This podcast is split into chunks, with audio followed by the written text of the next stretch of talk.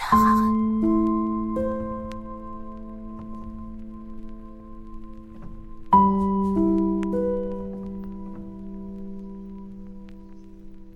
Mən çox adiləm bu gün. Səni düşünmək, şəhriyarın getmiş dəlikli yorğanını yaşamaqdır bu gün.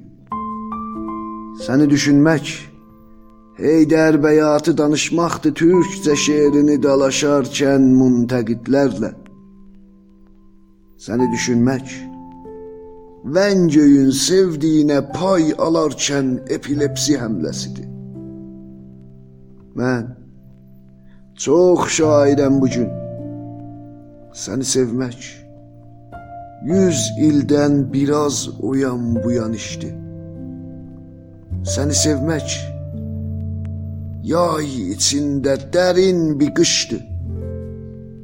Səni sevmək üzü enişə gedən nazəndə ürəyə yatım yoxuşdu. Mən çox çaşqınam bu gün. Sənə gəlmək 40 il zindan çəkəndən sonra tərəddüddür. Sənə gəlmək ölümə maraqlanan qoca kimi son umuddur. Sənə gəlmək yaşamaqdan qəbiz olmuş dostlarım kimi həsrət və təəccübdür.